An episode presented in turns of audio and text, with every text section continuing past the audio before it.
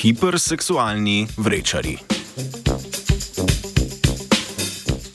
V večletni študiji na majhnih avstralskih vrečarjih so znanstveniki in znanstvenice z univerze Le Trobe v Melbournu želeli podrobneje raziskati preživetveno strategijo, pri kateri je samcem rodu avstralskih miši vrečaric parjenje pomembnejše od spanca. Samci so namreč med sezono parjenja nadpovprečno aktivni in spijo tako malo, da na koncu sezone poginejo.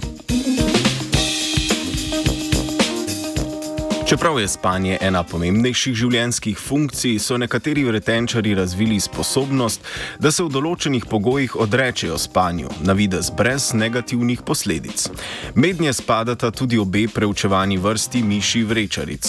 Vrsti Antekinus svinesoni in Antekinus agilis uvrščamo med sempelarne živali, kar pomeni, da se parijo zgolj enkrat v življenju. Pri opazovanju teh vrečarjev je raziskovalna ekipa ugotovila, da samice preživijo živijo paritveno sezono in se zato lahko parijo večkrat v življenju. Samci pa zaradi visoke aktivnosti v obdobju parjenja poginejo hitro po koncu paritvene sezone.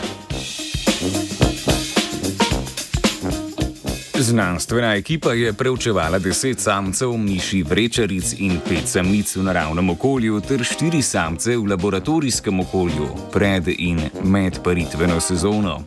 Na hrbte so jim oprtali pospeškometre in termometre, s katerimi so merili premikanje živali in njihovo telesno temperaturo.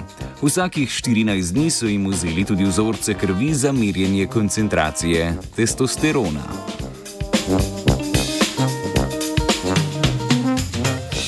Samice in samci obeh vrst so bili pred obdobjem parjenja enako aktivni. Med parjenjem pa so pri obeh vrstah opazili, da samci spijo manj in so aktivnejši. Raziskovalna skupina je ugotovila, da pripadniki preučevanih rodov vrečarskih miši v obdobju parjenja spijo le nekaj ur na dan, namesto običajnih 15.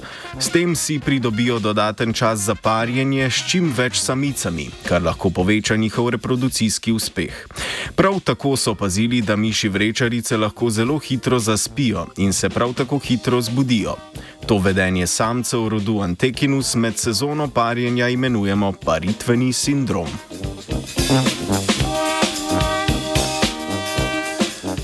Pokazali so, da se v paritvenem obdobju samcem miši vrečaric v krvi poviša koncentracija kortikosteroidov in postopno naraščanje testosterona.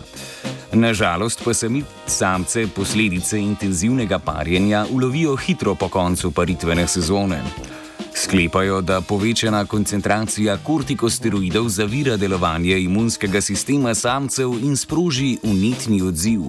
To lahko v kombinaciji z daljšim obdobjem pomankanja spanca privede do kaskade odpovedi organov, samci so dovzetnejši tudi za razne okužbe s paraziti in posledično smrt. Vseeno raziskovalke in raziskovalci dodajajo, da imajo vlogo pri smrti samcev po koncu obdobja parjenja tudi okoljski dejavniki. Pomankanje spanja je doživljal vajenec vid. Three.